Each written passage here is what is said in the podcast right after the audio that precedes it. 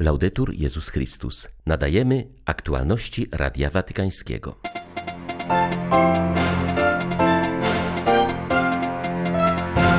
Papież Franciszek zdecydowanie zachęcił przewodniczącego Parlamentu Europejskiego do obrony osoby ludzkiej.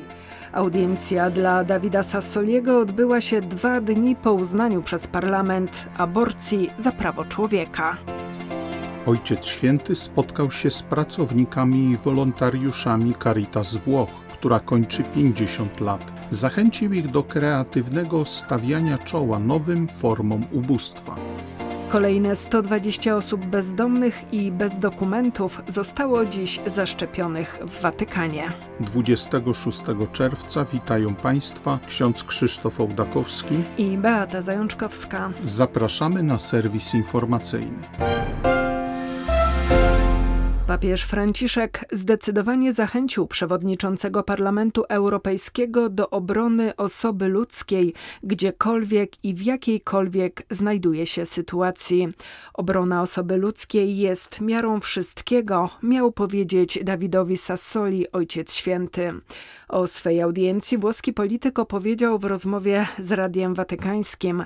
Przyznał, że papież zachęcił Unię Europejską, aby była narzędziem obrony najsłabszych migrantów, ludzi w trudnej sytuacji, wszystkich, którzy czują się wykluczeni. Audiencja dla Sassoliego miała miejsce dwa dni po przyjęciu przez Parlament Europejski raportu Maticza, który uznaje aborcję za prawo człowieka i kwestionuje prawo pracowników medycznych do sprzeciwu sumienia. Prosząc o komentarz do raportu Maticza, dziennikarka Radia Watykańskiego przypomniała, że Franciszek zdecydowanie wypowiada się w obronie życia, a w listopadzie 2014 roku, kiedy był w Strasburgu, przestrzegł przed błędnym rozumieniem praw człowieka. Davide Sassoli odpowiedział. Tak, to prawda.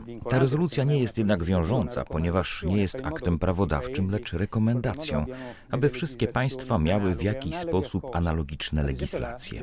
Analogiczne w stosunku do czego? Na przykład do prawa włoskiego, które daje kobiecie możliwość wyboru i bezpieczeństwa. Myślę, że to jest prawdziwy temat tej rekomendacji. Myślę, że zostało to potraktowane w sposób instrumentalny. Trzeba to odłożyć na bok.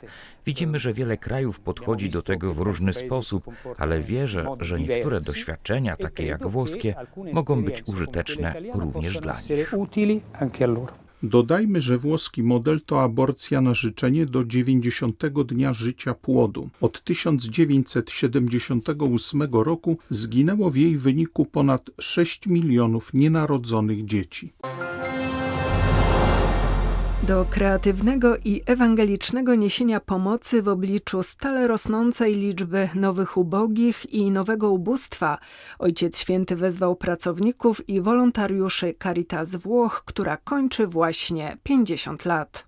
Z tej okazji do Watykanu przybyli przedstawiciele wszystkich 218 Caritas diecezjalnych i scalającej ich wysiłki w jedno Caritas krajowej. Franciszek podziękował sieci diecezjalnych Caritas za to, że w czasie pandemii zintensyfikowały swoje działania, niosąc ulgę w samotności, cierpieniu i zaradzając potrzebom wielu ludzi.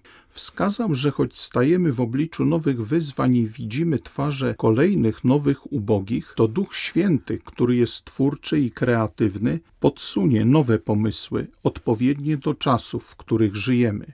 Papież wskazał Caritas Włoch, by zawsze zaczynała od ostatnich, zachowała styl Ewangelii i rozwijała kreatywność miłosierdzia. Miłosierdzie jest zawsze włączające. Nie zajmuje się tylko wymiarem materialnym czy wyłącznie aspektem duchowym. Zbawienie Jezusa obejmuje całego człowieka. Potrzebujemy organizacji charytatywnej zajmującej się integralnym rozwojem osoby. Miłosierdzie duchowe, materialne i intelektualne. Jest to styl integralny, którego doświadczyliście w czasie wielkich katastrof, także poprzez współpracę partnerską. Jest to piękne doświadczenie wszechstronnego przymierza w miłości między kościołami we Włoszech, Europie i na świecie. Nie może to być jednak realizowane jedynie przy okazji klęsk. Potrzebujemy, aby Caritas i wspólnoty chrześcijańskie zawsze były gotowe służyć całemu człowiekowi, ponieważ człowiek jest drogą Kościoła, jak mawiał Jan Paweł II.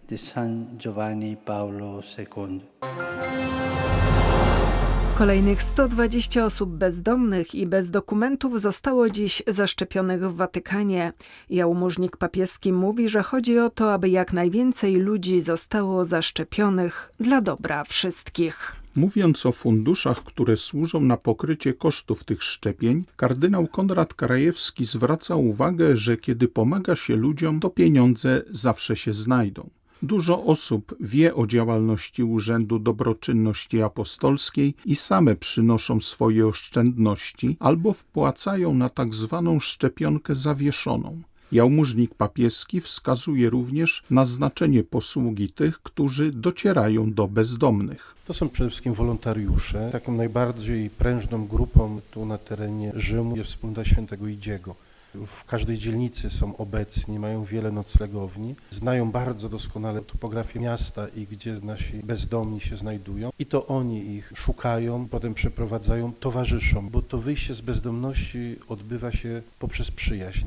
Najpierw bezdomny musi się przekonać do nas, zaufać. Jak nam zaufa, to potem idzie w ciemno, bo wiedzą, że my ich kochamy. My chcemy robić to, co zrobiłby Jezus, czyli żyć według Ewangelii. I wtedy oni mają do nas zaufanie i choć na początku byli sceptyczni także do szczepień, to dzisiaj przychodzą, towarzyszymy im, potem spożywamy z nimi posiłek i oni pytają się bardzo często, dlaczego. Ja wtedy odpowiadam, bo tak zrobiłby Chrystus.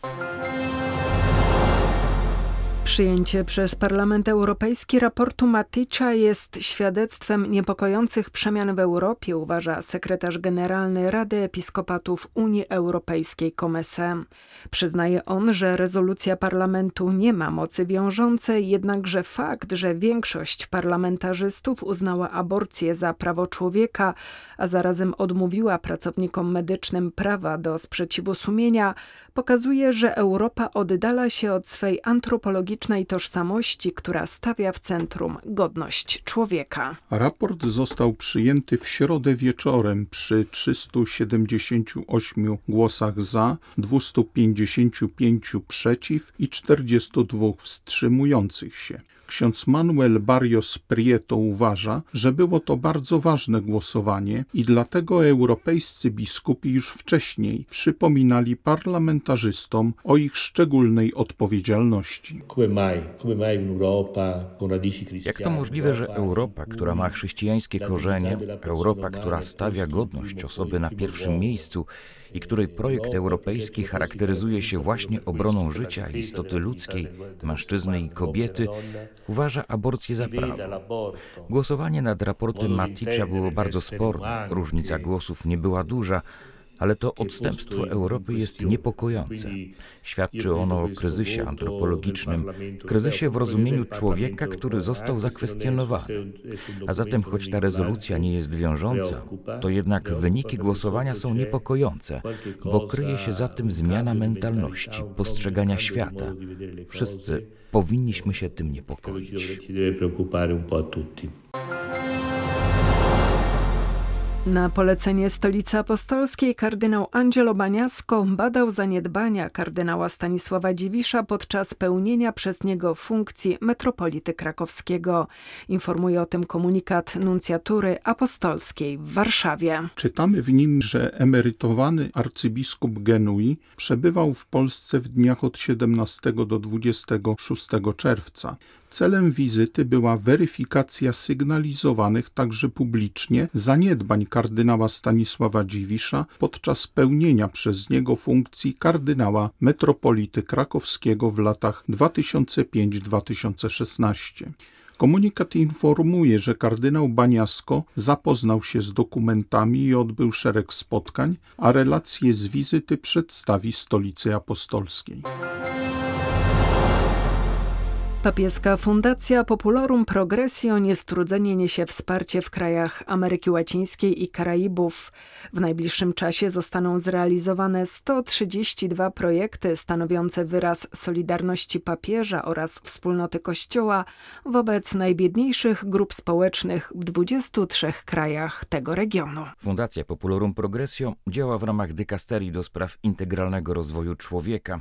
Podczas pierwszego w tym roku spotkania przedstawicieli episkopatów krajów kontynentu amerykańskiego skupiono się nie tyle na skutkach pandemii COVID-19, co na znakach nadziei, aby podjąć w konkretny sposób apel papieża Franciszka o przygotowanie lepszej przyszłości. W tym kontekście wskazano na liczne świadectwa miłosierdzia i solidarności, rozwój różnych form wolontariatu oraz uczestnictwa młodych w odpowiedzi na wezwanie płynące z potrzeb społecznych.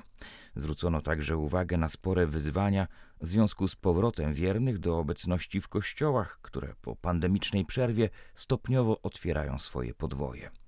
Aby przygotować lepszą przyszłość, Rada Fundacji przyjęła 104 projekty integralnego rozwoju człowieka i 28 pomocy humanitarnej poprzez program paczek żywnościowych na łączną kwotę ponad 2 milionów dolarów. W Irlandii świecka kobieta pokieruje przygotowaniami do synodu biskupów na szczeblu krajowym. Nicola Brady jest sekretarzem generalnym Irlandzkiej Rady Kościołów, a także dyrektorem fundacji Maksymiliana Kolbego, która stara się przenieść doświadczenie polsko-niemieckiego pojednania na inne obszary konfliktów. W Irlandii biskupi już w marcu zwołali lokalny synod. Ma się on odbyć za pięć lat. W międzyczasie stolica apostolska ogłosiła nową formułę powszechnego synodu biskupów, której zgromadzenie w Rzymie zostanie poprzedzone procesem synodalnym na szczeblu lokalnym, a następnie kontynentalnym. W związku z tym episkopat Irlandii postanowił połączyć lokalną fazę synodu powszechnego z przygotowaniami do synodu krajowego. Koordynacją obu wydarzeń zajmie się wybrany właśnie komitet organizacyjny. Na jego czele stanęła Nicola Bredy. Wiceprzewodniczącymi komitetu zostali ordynariusz diecezji Limerick oraz Andrew O'Callaghan, ojciec rodziny, współzałożyciel Second Chance Saturday, inicjatywy, która zachęca irlandzkich katolików do powrotu do kościoła. Opinie na temat Benedykta XVI często są oparte na uprzedzeniach czy wręcz fałszywych wymysłach, zauważa jego osobisty sekretarz we wprowadzeniu do kolejnej biografii papieża seniora.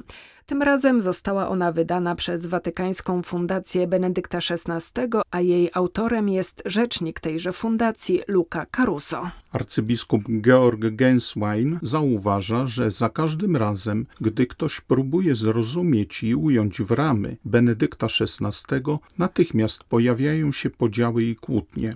Uważany jest za jednego z najinteligentniejszych myślicieli naszych czasów, a jednocześnie za fascynującą osobowość. Dla swych przeciwników, których nie brakuje, jest postacią niewygodną. Osobisty sekretarz papieża seniora wspomina, iż pewien francuski intelektualista zauważył kiedyś, że gdy tylko pada nazwisko Ratzingera, uprzedzenia, fałsz, a nawet regularna dezinformacja dominują w każdej dyskusji. W ten sposób nierzadko powstawał obraz, który nie był w stanie ukazać rzeczywistości ani osoby, ani dzieła, a jedynie fałszywe wymysły, które miały służyć konkretnemu celowi. Zdaniem arcybiskupa Gensweina nowa biografia Benedykta XVI to krótki przewodnik, który pomaga rozwikłać zagadkę Józefa Ratzingera, ukazując jego złożone życie pasterza, teologa i intelektualisty który dał się poznać dzięki odwadze i jasności, z jaką stawiał czoła trudnym sytuacjom, wskazując z prawdą i determinacją kierunek, w jakim należy na nie reagować. Były to aktualności Radia Watykańskiego. Laudetur Jezus Chrystus.